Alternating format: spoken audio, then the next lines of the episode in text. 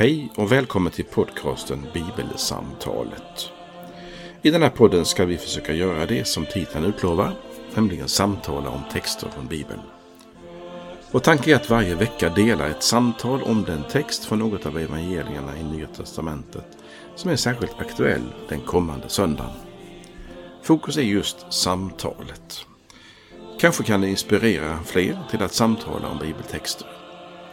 Välkommen att vara med i samtalet på något sätt. Vi som gör den här podden det är Fredrik Borglin, kommunister i Istorps pastorat och Karl Magnus Adrian, präst bland annat tidigare i just Istorps pastorat.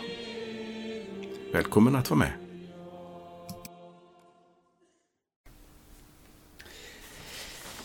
Idag ska vi ta sikte på kommande söndag, tredje efter trettonde dagen, då vi har en överskrift som är Jesus skapar tro. Vi är i trettondagstiden nu, Epifania, uppenbarelse och olika sidor av vem Jesus är uppenbaras. Idag uppenbaras det för oss att Jesus skapar tro. Evangeliet som vi utgår ifrån är hämtat från eh, Johannes kapitel 4, verserna 46-54 som jag läser nu. Jesus kom alltså tillbaka till Kana i Galileen, där han hade gjort vattnet till vin. En man i kunglig tjänst hade en son som låg sjuk i Kafarnaum. När han fick höra att Jesus hade lämnat Judeen och var i Galileen sökte han upp honom och bad honom komma ner till Kafarnaum och bota hans son som låg för döden. Jesus sade till honom, om ni inte får se tecken och under så tror ni inte. Ämbetsmannen sade, Herre, kom innan mitt barn dör. Jesus svarade, gå hem, din son lever. Mannen trodde på vad Jesus sade och gick. När han ännu var på väg hem möttes han av sina tjänare som talade om för honom att pojken levde. Han frågade då vid vilken tid på dagen han hade blivit bättre och de svarade igår vid sjunde timmen lämnade febern honom. Då förstod fadern att det hade hänt just när Jesus sade till honom din son lever. Och han kom till tro, liksom alla i hans hus. Detta var det andra tecknet. Och Jesus gjorde det när han hade kommit från Judeen till Galileen. Så lyder det heliga evangeliet. Lovad vare du Kristus. Om ni inte får se tecken och under så tror ni inte, säger Jesus. Det är det första som jag fastnar för i den här texten. Eh, jag tycker det är mycket spännande. Eh, Jesu förhållande till hur människor reagerar på honom. Vi kan i alla fyra evangelierna se att Jesus i början av sin aktiva tid, då väcker han stor uppmärksamhet och människor de kommer dragandes ut och eh, kommer till honom som till en helare och undergörare. Vi var inne lite på detta i, i förra avsnittet. Men människor är inte lika intresserade av budskapet vad det verkar. Och det är det som Jesus beklagar, tänker jag, när han säger det han säger till mannen idag. Alltså, om ni inte får se tecken och under så tror ni inte. Det inte, handlar inte om ett avsnäsande av en enskild människa, utan en insikt i eh, människosläktet. Men Jesus är inte framför allt, eller man kan säga så här, Jesus är inte här för att eh, banna oss och snäsa av oss. Utan vi stannar upp idag inför att Jesus skapar tro. Eh, och hur gör han det? Och det exempel, vi får ett exempel på detta idag. Eh, vad går du igång på i den här texten, Carl Magnus? Ja, jag rör mig först i det, den här händelsen som mm. är här. Med. Mm. Så står det så här att eh, det var en sjuk son. Det vet vi. Och så står det om pappan. När han fick höra att Jesus hade lämnat Judeen och var i Galileen sökte han upp honom. Eh, det, om man först går till det här med Johannes teologin, det som du Fredrik mm. Ofta tar fram. ja, väldigt, Sjutalen är ja, det, ja, men det är väldigt ja. bra Och teckenteologin mm. också. Så kan man säga att den ena delen av texten här, den vill ju tydliggöra att det som händer är ett tecken på vem Jesus är. Mm. Alltså det finns en, man skulle kunna säga det är en sorts teologisk eh, pekfinger här som pekar i en riktning. Ser ni inte vem han är? Det är det som är poängen. Mm. Eh, det andra som jag gick igång på först, det är ju att den här fadern som då har den här sonen som är sjuk. Han hade hört om Jesus. Och eftersom jag har, tycker ibland det är intressant med trons eh, utväxt och Ja, mognad. just det. intresserar ju mig. Eh, Så funderar jag på ibland vad är det som, som sker i det där med tron. Och då har ju tron många olika dimensioner. Jag ska inte ta det just nu utan jag ska ta det enkla först. Eh, han har hört om Jesus. Och det betyder på vanlig svenska eh, han har uppfattat någonting om Jesus. Jag vet inte någonting vad det är för något. Det kan vara ingenting. Det kan vara bara jättelite. Att Mm.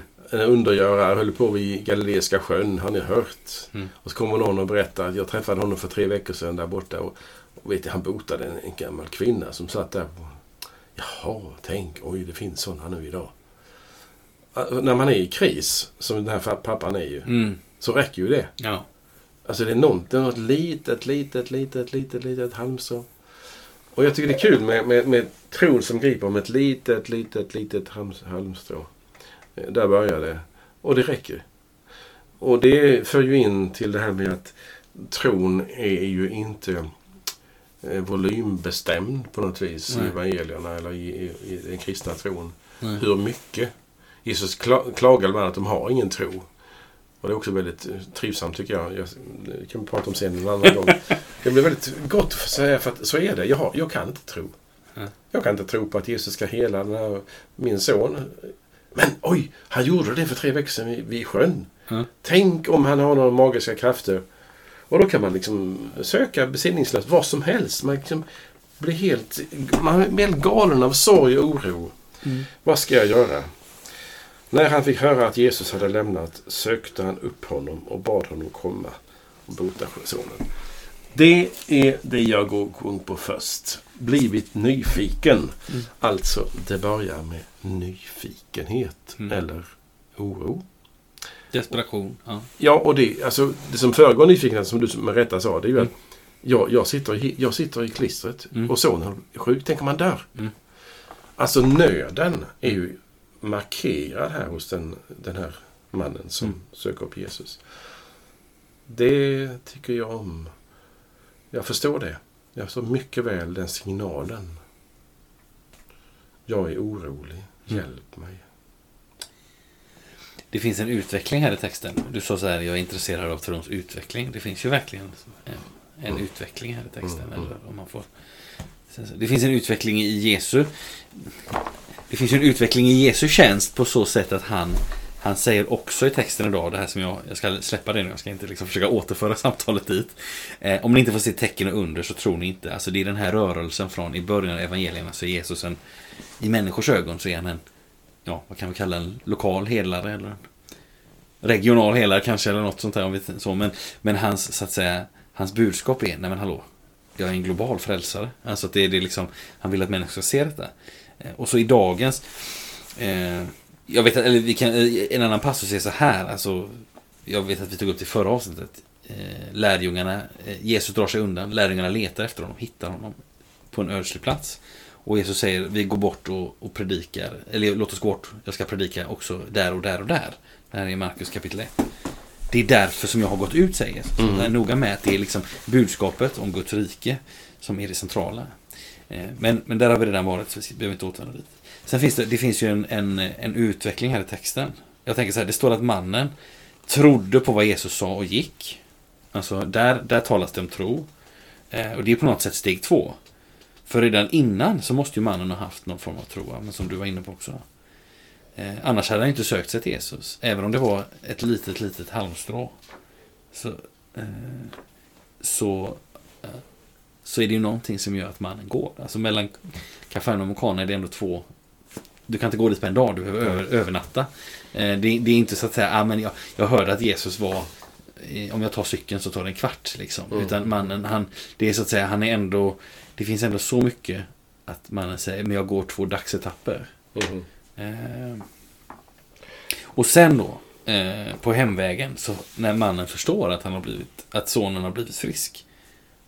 Och att han har förstått att han har blivit frisk just när Jesus sagt orden. Din son lever. Så står det så här. Då står det så här. Han kom till tro. Liksom alla i hans hus. Vad är det för skillnad på den första tron? Den som gör att mannen går. Den andra tron som gör att han så att säga. Han vänder ju tillbaka på Jesu ord. Det är intressant. Mannen säger ju faktiskt så här. Eh, Herre, kom innan mitt barn dör. Det vill säga, Jesus följ med mig. För jag, jag tänker att du måste vara där för att min son ska överleva. Mhm. Och, och Jesus säger, gå hem, din son lever. Alltså, han, så att säga, i det andra läget tror han ändå på Jesu ord. Och sen i det tredje läget så är det liksom, ja vad ska man säga?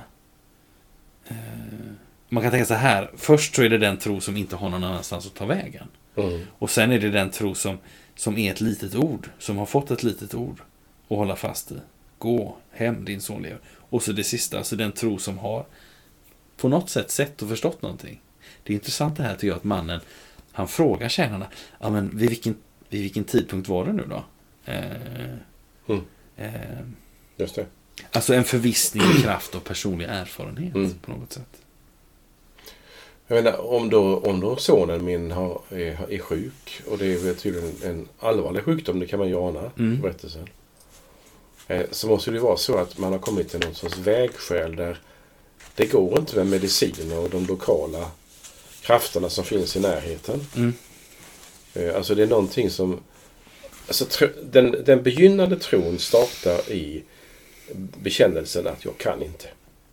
Alltså tron börjar i...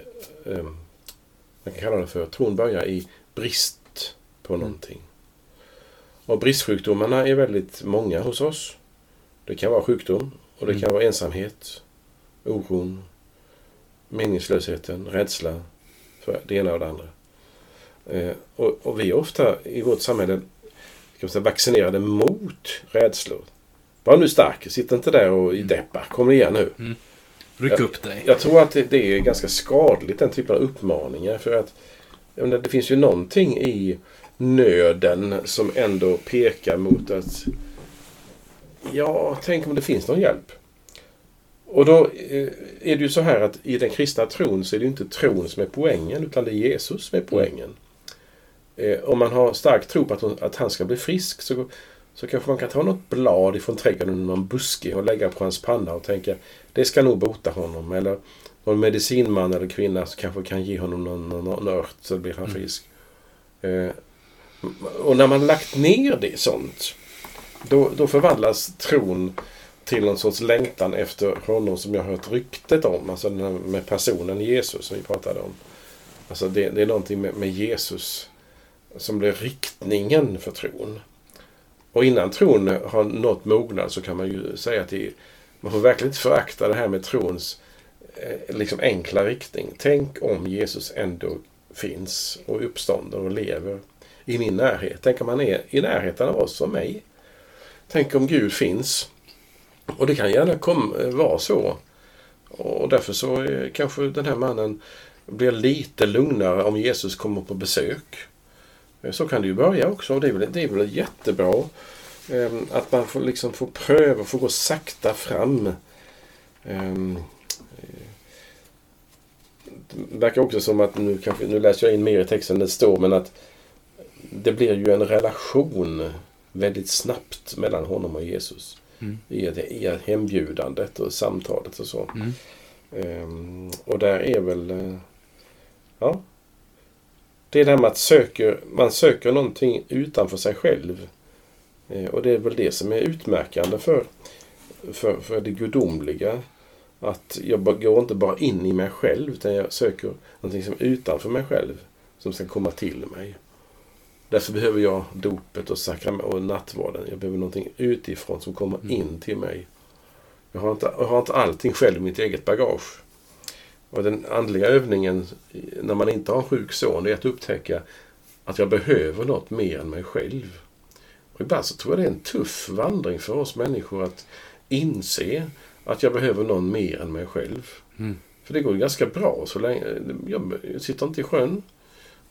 Men så sitter jag i sjön där och så handlar det om en som jag älskar. Mm. Inte, det är inte jag som är sjuk, utan det är den som jag älskar som är sjuk. Att ha ett barn som dött, det, är- det är något alldeles fruktansvärt. Och, och det är den andliga övningen att vara helt utblottad på allting. Och lugnt kunna säga Jag orkar inte, jag vet inte, jag förstår ingenting. Mm. Och så säger man Jesus, vi ringer efter honom. Mm. Och så gör han det. Det är där det börjar ju med, med deras relation. Mm.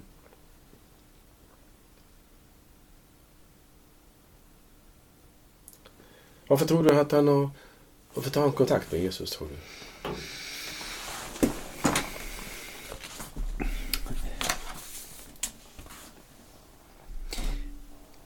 Det finns ju en för, jag, jag tänker att på något sätt så har han ju hört talas om Jesus. På något sätt så handlar det om hans desperation. Eh, vi får inte veta så mycket mer om hur länge har sonen varit sjuk. Eh, eller du vet. Eh, så här, vi får ingen förhistoria om. Vi vet inte hur gammal mannen är och vi vet inte hur gammal sonen är och sådär. Eh, något helande under. Det talas det om eh, den här kvinnan som har varit hos många läkare och det kostat henne allt hon ägde. Hon blev snarast sämre och sådär. Eh, här finns ju inget sånt. Här är ju väldigt sparsmakat med, med eh, eh, sparsmakat med detaljer. Han har varit sjuk en tid. Nu ligger han för döden. Man har på något sätt konstaterat att det finns, det finns ingenting att göra här. Utifrån vad vi, vad vi, vad vi kan veta eller förstå. Liksom. Eh, jag tror att det är mycket desperation. Den här mannen hade ju kunnat skicka, det gör ju någon, eh, en, en ganska lik berättelse som finns hos Lukas och Matteus handlar ju om centurionen. Eh, och då handlar det om centurionens tjänare som är sjuk. Eh, och den här centurionen skickar ju skickar väl ett bud, med, alltså med tjänare. Mhm. Visst är det så? Kan hända, ja. Ja. Eh, och han säger, alltså jag är inte värdig att du går in under mitt tak och så vidare. Här, men den här mannen kommer ändå själv liksom. Eh, jag tror att det är lika delar desperation och, och men, ja, ja, också nyfikenhet. Alltså det, Det, det är så, alltså, när, det, när man kommer så långt i berättelsen som du antyder nu att Jesus, att han har liksom nått han, mannen har nått fram till Jesus. Mm. De har träffats. Eh, så, så nära är de varandra så att det står att Jesus säger till honom. Det är ju Mm. den första liksom, connection mellan de Mm. två. Mm. Och så Jesus, om ni inte får se tecken och under så tror ni inte. Eh, det första som händer när de möts. Om vi talar först om den, den stapplande tron, den lilla tron eller den Mm. längtande tron, vad vi kallar det för. Mm. Alltså, tänk om Jesus kan hjälpa mig. mm, Och så kommer man ändå i kontakt. Låt säga, jag har tänkt så länge och så tänker jag ska, jag ska prova att gå till kyrkan på söndag. Mm. Och så möter jag, när jag kommer in i kyrkan, så möter jag nå- någonting som gör att jag tänker, va?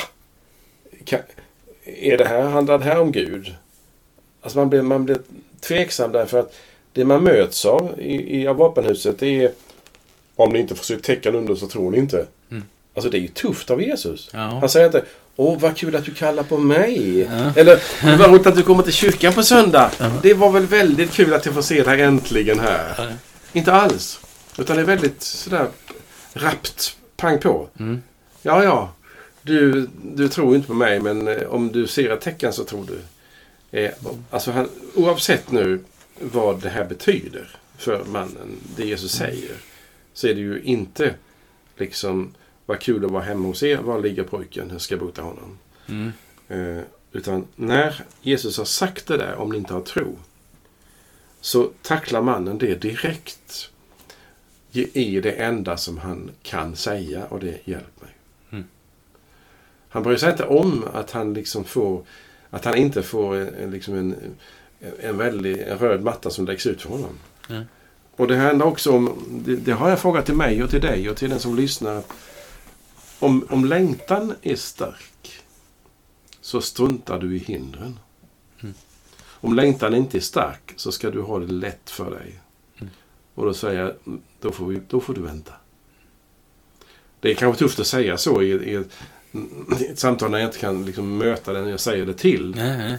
Men ibland är det så tycker jag ändå man får säga att, att är inte din längtan uppriktig eh, så, så vänta tills den blir uppriktig. Mm. För då, kan, då, då, ger, då ger du dig Alltså då måste du säga, ja men jag, förstår du inte att även om du hindrar mig nu så är jag ju, jag är ju desperat. Du måste Mm. hjälpa mig. och det är någonting i det här som jag tycker eh, för mig själv att jag är, jag är lätt bortskämd. Om jag, om jag liksom kommer och ber om hjälp och någon säger, ja så du kommer nu Karl Magnus? Då skulle jag tänka, det var oförskämt. Mm. Jaså? Ska jag inte vara mer glad att jag kommer? Mm. Det finns någonting i detta som är väldigt självupptaget. Mm. Och egocentriskt. Men när, när, när nöden är stor, Mm. då struntar jag i. Mm. Om det är hinder. Jag måste ha ett svar. Mm. Är det inte så? Jo, jag, jag är beredd att hålla med dig. Eh, det vill säga, Gud kommer inte som en butler när vi knäpper med fingrarna. Utan det, så att säga, det är, den här mannen är ju vår vägvisare här i texten idag. Jag tänker att det finns, an, jag tänk, det finns ju några andra. Jag kommer att tänka det här som du talar om med, med liksom, när nöden är stor och, och längtan är stor. Och då, då spelar hindren ingen roll. Det finns, jag kommer att tänka på några andra tillfällen när Jesus på liknande sätt möter personer eh, med liknande, lite prövande eh, ord. Alltså han möter dem ungefär på samma sätt som den här mannen. Eh, det är den syrisk-fenikiska kvinnan Just det. som säger eh, det är inte rätt, det säger Jesus, det är inte rätt att ge brödet, ta det från barnen och ge det till hundarna. Han kallar den för en hund. Ja. Vi ska inte fördjupa oss i exakt vad det betyder och sådär, men, men vi, vi, kan, vi, vi kan förstå att, att det här är inte liksom, det är inte bara klappa någon medhårs att kalla någon för det. Nej. Det är så. Eh, Jesus säger till, till, eh, till kvinnan vid, vid Sykarsbrunn, och det är faktiskt ganska kort innan detta, om jag har, min, har det rätt för mig. Det är i samma kapitel här, va? Visst är det det? Johannes 4. Mm. Och då säger han så här, eh, gå och hämta din man, säger han till henne. Jag har ingen man. Nej, det hade du rätt i. Du har haft så här många. Och, och, alltså det vill säga, han prövar henne. Mm. Eh, och det gör Jesus här också. Eh, och det får, inte, det får inte locka oss att tänka att ja, men så ska vi möta människor som kanske kommer till oss och, och har en fråga. Att, du Carl Magnus, kan inte du berätta lite om din tro? Mm. Så här, det, det behöver inte betyda att det är, det är vår uppgift att vara lika syrliga. Men, men Jesus, återigen detta. Jesus vet ju vad vi behöver för att tro. Och han, och Ja. han säger ju detta också till den här ämbetsmannen.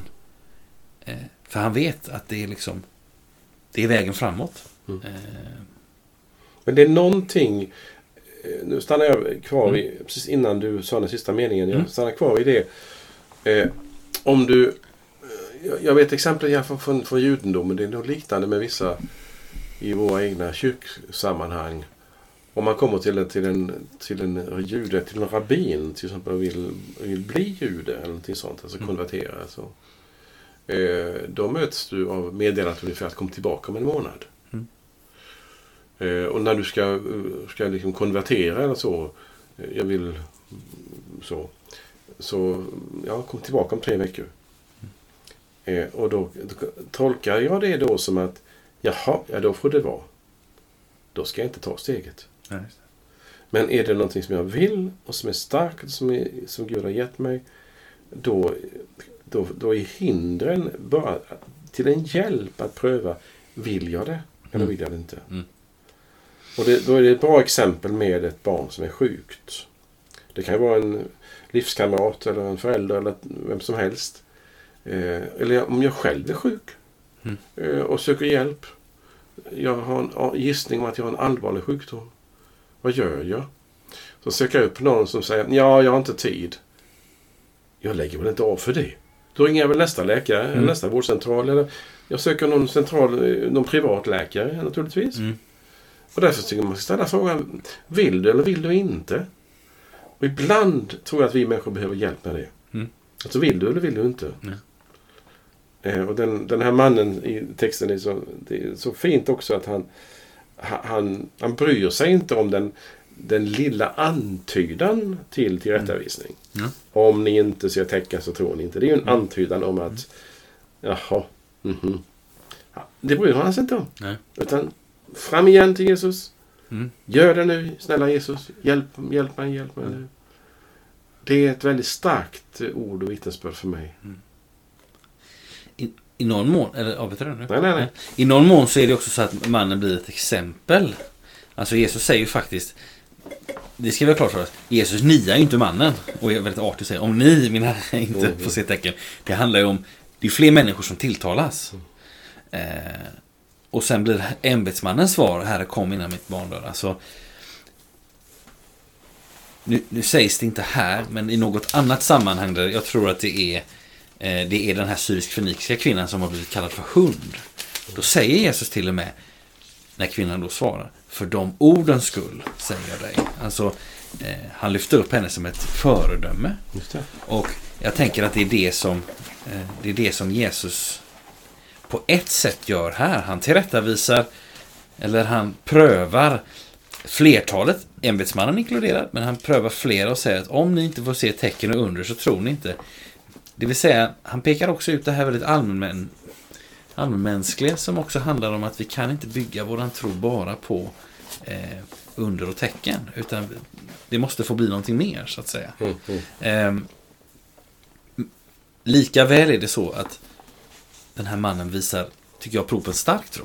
Nej, men han, han går faktiskt. Han har, hans, hans föreställning är ju, alltså han är så desperat.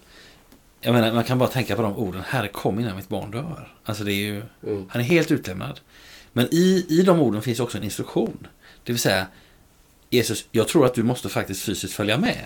För det är den typen av tilltro jag har till dig. Alltså den kan Mm. vara jättestark och stor, stor på alla sätt. Mm, mm. Eh, men jag tror att du måste rent fysiskt vandra med mig två dagar. Ja. Eh, så att säga. Eh, och Jesus säger då, nej men gå hem, din son lever. Mm. Alltså att... ehm, och det är också otroligt stort att, jag menar, där ju- jag tänker mig att den, mycket av den här mannens föreställningar om Jesus, som ligger i de där orden, kom, kom med, följ med, du måste följa med och, och kanske röra vid honom. De kommer på skam. Så det är inte bara det att mannen i någon mån gör som Jesus säger, utan han agerar också på ord, han agerar också på, i någon mån på en ny insikt. Som han fick typ en sekund tidigare. Jag behöver inte gå med. Lita på mitt ord och gå hem. Det tycker jag är stort. Eh, Men det kanske är så att, vad vet vi, att, att eh, om, om det finns en stapplande tro. För det står ju först på slutet att han kom till tro. Mm.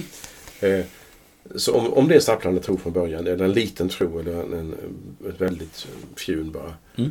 Eh, så när de har mötts, och Jesus har sagt de här orden, om ni inte ser tecken tror ni inte. Mm. Eh, i, efter mötet så litar ju mannen Mm. på Jesus. Mm. Eh, Och på något sätt, jag menar, nu läser jag ut lite mer, men om, om, det, om det så att det börjar med att jag säger jag undrar om det kan vara något sant det där med Gud och Jesus. Om man, om man börjar så enkelt. Och så tänker man, jag ska, jag ska söka, jag ska, jag ska bedja innan jag lägger mig. Jag, jag kanske, när det är mörkt i rummet så är det ingen som ser mig. Även om inte jag, om jag bor själv så är det ingen som ser mig då heller. Men jag ska be om hjälp innan jag lägger mig på natten. Och så drar jag upp täcket i hakan och så säger jag, Gud om du finns så hjälp mig. Alltså, det kan ju börja på ett väldigt enkelt sätt. Och, så. Mm. och, och sen nästa steg det är att eh, om, det, om Gud kallar mig ytterligare med ett snäpp djupare. Eh, Och det är det här, då, hjälp, då är det ju sonens sjukdom som på något vis puttar mannen närmare Jesus. Alltså nöden är ju verkligen en sorts tjänare här åt att mm. ta nu tur med ditt liv på allvar. Lek nu inte längre. Hå- Håll inte på nu med ditt fjantiga liv. Alltså. Mm. Kom nu till skott. Alltså. Livet är ingen lek. Det är, det är seriöst och allvarligt. Kom in i, i verkligheten. Och så hjälper det, det, sonens sjukdom liksom för ju mannen in till något tjoff Mm. sammanhang. Mm. Och det finns en del av oss som har levt i dödens väntrum. I vårt fall var det så när en av våra barn höll på att dö när han, han föddes. Att det var, ett, det var ett sätt för oss att i efterhand där vi kan se att vi, vi fick ju hjälp av att vara dödens väntrum. Mm. På många sätt som har betytt jättemycket för oss i vårt liv. Efter det. Mm. Eh, och det menar att det som är början till någonting blir att nästa steg, det som du sa nyss, steg två, det är att när Jesus säger ehm, Gå hem, din son lever. Och står det mannen trodde Mm. och gick. Mm. Då har ju redan någonting hänt. Mm. Eh, och då går han och han vet ju inte. Och vi behöver inte fundera på vad grubblade han över. Nej. Utan han blir mött av tjänare som berättar Mm. att pojken levde och är frisk tydligen. Och så får han, innan att då, klock, klockan så och så blir han frisk. Mm. Aha, tänkte han. Det var ju precis när Jesus sa Ja. oj, oj, oj, fantastiskt. Och så, Ja. och så blev det ju en happy end på det andra kan man säga på detta verkligen. Och det, är, och det är inte heller fel att han undersöker det. Nej, Eller så. det var jättebra. Det är, det är ungefär som de, alltså, mm, de tio spetälskare som blir helade. Så säger Jesus, visa er för prästerna. Det vill säga gå till vårdcentralen och kolla Mm. om du är frisk. Mm. Och så gör alla tio det. Mm. Och de upptäcker till och med att de är friska. En kommer tillbaka och vill bekräfta till Jesus. Mm. Men de andra tio blir bara lyckliga och sticker hem Ja. till sina familjer. Ja. Och så. Eh, och det finns ju någonting i detta med att ja, men är du botad så är du botad. Mm. Är du frisk så är du frisk. Mm. Eh, har du fått möta någonting av det gudomliga så ska du ta vara på det. Du har ett ansvar för det. Det är en kallelse till dig. Att gå vidare i livet efter det. En sak som jag eh, får byta spår.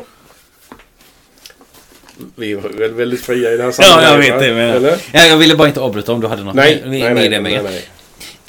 Alltså när man... Nu kommer jag, kommer jag måla in mig i ett, i ett kärt gammalt hörn.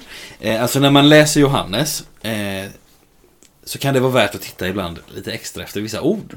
Vi konstaterade det i förra avsnittet. Då var det Mm. väldigt mycket vittnesbörd och vittne och vittne och sådär. Eh, ett ord som man kan titta på i Johannes, eh, också intressant, det är ordet tecken. Jag vet att du har, jag har hört dig prata om en gång. eh, Johannes. Eh, Johannes, han är i dagens text tydlig med att eh, det är något särskilt som sker. Han säger inte bara det här var ett mycket fint tecken som Jesus gjorde, utan han säger också det här var det andra tecknet som Jesus gjorde när han hade kommit från Judeen till Galileen. Johannes är väldigt, han är tydlig där.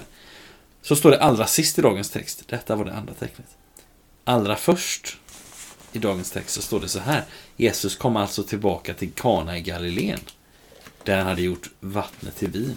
Och det läser vi om i Johannes 2. Eh, och den händelsen, där är Johannes mycket tydlig med att det är det första tecknet som Jesus gör. Mhm, just det. Eh, och totalt så brukar man då, nu kommer det, Nu kommer tala om sju tecken. Och så finns det andra sjutal och de är sju. Och, det är spännande. Eh, eh, jag det är ju intressant detta med de här tecknen. Och den som kunde känna sig hågad, för jag tyckte det var lite roligt detta. Man läste om det första och det andra tecknet så finns det några, finns det några saker som, som är lika de emellan. Jag, vill, jag, vill bara, jag gick igång lite på detta. Vid båda tillfällena så finns det en tillrättavisning. Jesus tillrättavisar ju på ett sätt mannen här idag. Ja. Och bröllopet i Kana och vatten till vin och sådär. Då, då tillrättavisar ju faktiskt Jesus sin mamma. Mm.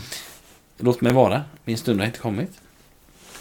Eh, I i båda de här fallen så är det så att, att Jesus skapar eller liksom gör ett under genom sitt ord. Och så finns det tjänare med. Eh, mannen har ju tjänare som möter honom på hemvägen. Och det är tjänare som öser upp det här vattnet. Just det. Eh, och det står också att, och det här är intressant kopplat till en sak som du tog upp, båda de här undrena, eh, alltså det som vi läser om idag och så bröllopet i Kana då i Johannes 2. Där står det att, att liksom det som sker här, det verkar tro. Mannen kom till tro, alla i hans hus. Eh, och efter bröllopet i Kana så står det att hans lärjungar trodde på honom. Och varför har Johannes tecknat ner alla de här tecknen? Jo, kapitel 20, 30, vers 31. För att ni ska tro och ha liv i hans namn. Det. Så det, det är roligt att här finns det en, tycker jag, det här tas upp en tråd mellan första och andra tecknet och sen så tillbaks till det här som, Mm. det var väl förra avsnittet du nämnde detta med Johannes 20 va? Mm, Just det. Just det. Men, då vill jag säga också så här, sen finns det en stor skillnad. Eh, det, är- det är ändå någonstans, att göra vatten till vin, ja det kan inte jag göra. Det är så att säga för mig helt omöjligt. Men om vi jämför det, att Jesus, att Jesus gör det med att Jesus ger liv och att han också gör det på avstånd, då förstår vi ändå att, att bilden blir större. Mm. Den människa som har hört talas om den här Jesus, jag menar det är ju rätt stort.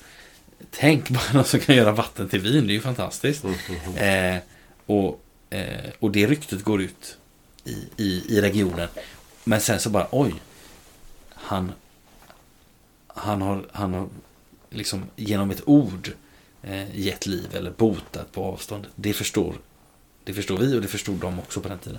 Det är någonting mer, någonting Mm. större liksom. Mm. Det hänger ihop, men det växer samtidigt. Det jag häftigt. Just det. Eh, För det som föregår det här är att mannen, alltså det som händer innan mannen går. Mm. eh, Det vill säga det som gör att han, han kan och vill gå. det är att det har hänt någonting som vi kallar för tro. På något vis ju. Eh, och det som, när vi har, talat ibland om trons eh, tändande och tron, trons mognad och så Mm. i det här sammanhanget också. Så kan man ju möjligen förknippa detta med till exempel Romarbrevets tionde kapitel om hur är, finns det någon sorts linje hur tron tänds hos oss? Och hur tron växer och så. För att många av oss, och de vi möter också, kan ju längta efter en tro. Och då är tron inte bara ett försanthållande. Det är sant att Jesus kan bota, det är sant att han går på vatten, det är sant att han har uppstått en gång. Ett försanthållande, utan det är också det är någon sorts tillflykt, någon sorts, fri, någon sorts eh, tillit och förtröstan. Eh, som, som, som, eh, och, då, och då är det ju, vad jag kan se, ett sammanhang. Om jag nämner det så här att dels är tron att jag tror på att Gud finns, att Jesus kan, att han är Guds son och världens frälsare. Det är liksom de här försanthållen, det är de här dogmerna, det är lärosatserna. Eh, om du och jag som är präster eh, lär om nattvarden att Kristus är närvarande så säger vi detta är Kristi kropp och blod. Så tror vi att det finns en närvaro i nattvarden. Det är liksom en lärosats. Ursäkta uttrycket. Det, jag menar inte, alls att det är tråkigt utan det är snarare att det är ett faktum. Och det kan vara svårt att, att tro på det naturligtvis. Ibland naturligtvis. Så, va? Men, men det som, om jag säger som präst detta är Kristi kropp och blod. Och den som kommer fram och tar emot nattvarden får höra för dig utgiven. Så är de orden en sorts förtröstanstro. Där kombineras dogmen med förtröstan. Alltså där, där kombineras försanthållande med tilliten. Eh, om jag tror att Jesus finns så är frågan, litar jag på honom? Mm. Om Jesus botade sjuka i Galileiska, vid Galileiska sjön och jag som pappa till min sjuke son längtar efter honom så kanske jag har hört talas om att ja, han kan bota sjuka. Det är liksom en lärosats. Ursäkta ut parallellen. Mm. Det är en sorts dogm. Men så är frågan, tror jag på det? Alltså, kan han hjälpa mig? Då är det inte bara eh, att Jesus är Guds son och världens frälsare och är så duktig, så duktig, så duktig. Utan kan han hjälpa mig? Mm. Är Gud nådig? Ja. Men kan han, är han nådig mot mig? Mm. Eh, och då, då är det en sorts tillitstro här som gör att mannen verkligen går hem. Och det vittnar ju om att nu litar han på Jesus. Mm. Om, han, om han möjligen var imponerad till en början att Jesus hade botat sjuka, Mm. som han kanske drevs av. Nu ska jag chansa att han kan bota mig också. Mm. Så får jag träffa honom och då märker jag att när han säger gå hem till din son så tänker jag ja, jag ska göra det. Mm. Alltså man, frimodighet, är något som händer där. Mm. Alltså tillitstron Mm. tänds på något vis där. Mm. Eh, det eh, fotade jag med att gå Mm. igång på. Mm. och så gör han det. Ja. Och så blir han mött av sina tjänare som berättar att Mm. sonen är frisk. Man kan fundera på om mannen har upptäckt, alltså eh, Jag fastnar ju lite vid detta Som jag tänker hakar i det du säger Det här med tillitstron och att mannen säger Herre kom, alltså följ med Och Jesus får gå hem Alltså jag behöver inte vara där fysiskt Mm. För att kunna hjälpa dig eller för att kunna liksom göra det du begär eh,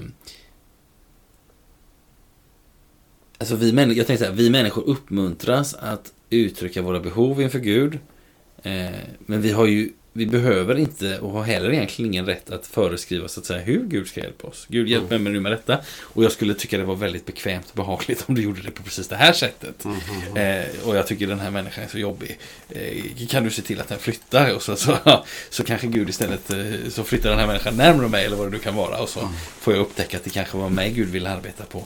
Eh, och jag tänker, man kan fundera på om den här mannen gör någon sådan typ av upptäckt. Det vill säga att, att liksom, det här går ju väldigt, väldigt fort för mannen. Vi, vi, liksom, eh, vi vet att han eller vi anar att han är desperat. Han kommer dit, han litar på mannen.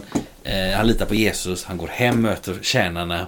Eh, han får liksom några pusselbitar faller på plats och så står det att han kommer till tro. Vi tänker att det är liksom någonting som Även om det finns ett förstadie eller flera förstadier så är det någonting som, som en polett som ändå på något sätt trillar ner. Eftersom Johannes ändå skriver att han kom till tro. När vi anar att han har ändå haft tro innan också. Eh, handlar det om att han eh, på något sätt upptäcker det här med att jag får lita på Jesus. Att, eh, även om det inte blev eh, det blev som jag ville men det skedde inte på det sättet som jag hade förutsagt. Just det, just det. Ungefär något sånt va? Ja. Sen är det intressant, tycker jag, vi vet ju väldigt lite om den här mannen. Det står att han, det är någon som är i kunglig tjänst. Eh, vi vet egentligen inte ens vilken kung det är det handlar om. Man tänker nog att det är Herodes Antipas. Ja, det bör väl vara det. Ja. Han är väl inte kung egentligen, alltså han är någon slags furste. Men, men så här, det är det troligaste. Att så här, eh, det kan vara en militär tjänsteman, en civil tjänsteman. Eh, det får ju vara en så pass högt uppsatt liksom betjänt vid Herodes, om vi nu tänker att det är Herodes hov, en tjänare som har egna tjänare. Mm. Så att det, tänker, det, det, behöv, det, det är ju någon som är så att säga tillräckligt högt uppsatt för att ha det. Så vissa spekulerat att det, det nämns några troliga personer i evangelierna eller i, i Nya Testamentet som det skulle kunna vara. Det finns en Kusas som nämns som Herodes förvaltare, till exempel i Lukas 8. Jaha, jaha. Eh, Det nämns en manaen i Apostlagärningarna 13. Så här. Så att, men, men vi vet, så här, var- varför säger vi detta? Jo, vi vet väldigt lite om den här mannen. Eh, du var inne på detta förra avsnittet, det här med änkan i Nain. Liksom. Mm. Eh, eh, att liksom man, man namnger en plats och man namnger eh, liksom, man bör veta sådär. Och jag tänker att det är egentligen samma princip här. Vi vet ganska lite om den här mannen. Men, eh, men när de första kristna läser detta, när Johannes skriver ett antal decennier efter det har hänt. Och så är det liksom, eh, det är en person som är knuten till eh, förmodligen då Herodes Antipas hov under, vid en viss, alltså under de här åren är Jesus verksam. Det bör gå att för, för en, liksom en kritisk eller nyfiken läsare att undersöka, men vem, vem är detta? Kan det stämma? Eh, jag, går, jag, kan, jag, får, jag får söka upp någon som kanske kan svara på detta. Och så vidare. Eh, och det är spännande. Eh, Det finns ju en, en liknande text i Matteus 8 som du eh, antydde, en liten halv bisats Mm. ungefär. Om en officer Mm. som eh, har en tjänare som är sjuk. Mm. Och eh, i det sammanhanget så säger officeren eh, Herre, jag är inte värd att du går in under mitt tak. Men säg ett ord så blir pojken frisk. Mm. Alltså en väldigt stark tilltro. Och när jag ser sammanhanget, eller sambandet mellan texten här, eller, eller, ske, eller linjen. Mm. Så hittade jag en sån här, vad ska jag säga, för mig en liten trappsteg eller, eller, eller stegvis. För det första, kom till Jesus. Det är det första som händer med mannen i vår text. Mm. Han söker upp, alltså på något sätt. När han knackar på dörren. Uppenbarelseboken 3. Jag står för dörren och knackar. Om någon öppnar, knack, om öppnar så går jag in och hälsar på. Alltså på något vis har, når oss kallelsen. Vän, glöm inte att knacka på dörren. Alltså, Eller låt dig Låt, låt öppna din dörr när du, uppfatt, när du anar att Gud är, är nära dig. Eller sök honom. Och kom då till Jesus. Det är det första stapplande steget. Det vi kallar för trons start och så. Att ge nöden ett ord och behovet eh, tydlighet. Och eh, min svaghet. Ha mod att visa min svaghet. Och, ehm, och sen det, det andra, som sägs som det är. Eh, Pojken är, är sjuk. Han håller på att dö. Tjänaren är sjuk. Hjälp mig. Alltså eh, den här ärligheten att säga att jag behöver hjälp. Ibland så ligger det väldigt långt ifrån oss att våga erkänna det. Eh, Att vara, att vara liten och tillstå det, det, det krävs väldigt mycket mod för att vara, våga vara rädd, skulle man kunna sammanfatta och säga. Mm. Att våga tillstå att man är rädd Mm. för andra. Och, och i det ligger själva öppningen. När jag tillstår detta. Och sen det här med det andra. Eh, ge inte upp. I vår text så är det ju en viss, eh, ska jag säga, en viss eh, eh, ja, jag ska inte säga att det är oartigt av Jesus utan det är snarare en markering från Jesus sida som gör att man skulle kunna tolka det som att Jesus inte vill hjälpa. Mm. Ehm, I ett annat, en annan text så säger Jesus Skulle jag då komma och bota honom? Alltså Jesus är, är tveksam och så, eller det låter så. Och då de här två männen olika texterna, de ger inte upp. Nej. Det är nästa steg ju. Mm. Alltså ge inte upp. Är det viktigt för dig och det är det viktiga för dig, det är värt allt. Mm. Eh, bli inte så förslappad så att du inte ger järnet för det som är viktigt. Och så då upptäckten till slut att eh, Jesus har möjligheter som jag inte har. Mm. Och därför när han säger Gå nu hem till din son ska du se. Ja men, ja. Tänk om man har möjligheten då Mm. till detta. Så gör jag det. Så går jag hem och så får jag veta då. Oj, det finns en öppning här. Och vad händer? Jo, hela min familj och känna och släktingar och alla blir påverkade av detta. Mm. Någonting är vägen in. Mm. Ja.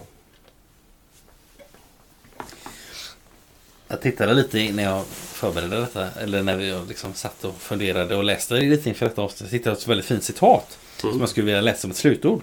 Eh, det passar särskilt bra faktiskt för att eh, det, det hakar ganska mycket i också eh, eh, det här som du berättade från din egen, din egen erfarenhet, Carl Magnus. Med, med att liksom, jag har gjort, ja, men haft liknande erfarenheter som den här mannen i texten. Eh, och då, stå, då skriver vi så här, det är en kommentar av Erik Bernspång, han, han skrev så här. Det började med nöd, ett barn blev sjukt. Det ledde till den tro som ger hopp för tid och evighet. Vi grips lätt av panik när något svårt kommer i vår väg. Men de svåra tiderna är viktiga tider i våra liv. Ja, det var någonting som eh, jag fastnade för, för de orden.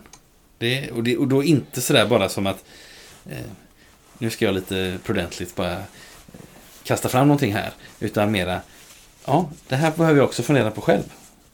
De svåra tiderna är viktiga tider i våra liv. Ja, så var det ju för mannen här i Mm. Ja, vi närmar oss slutet. Vi vill tacka dig som har lyssnat på detta. Vi hoppas att du också har fått, fått med dig någonting av det här samtalet. Eh, tills vi hörs igen så önskar vi dig som lyssnat allt gott och Guds välsignelse. Hej då! Hej då.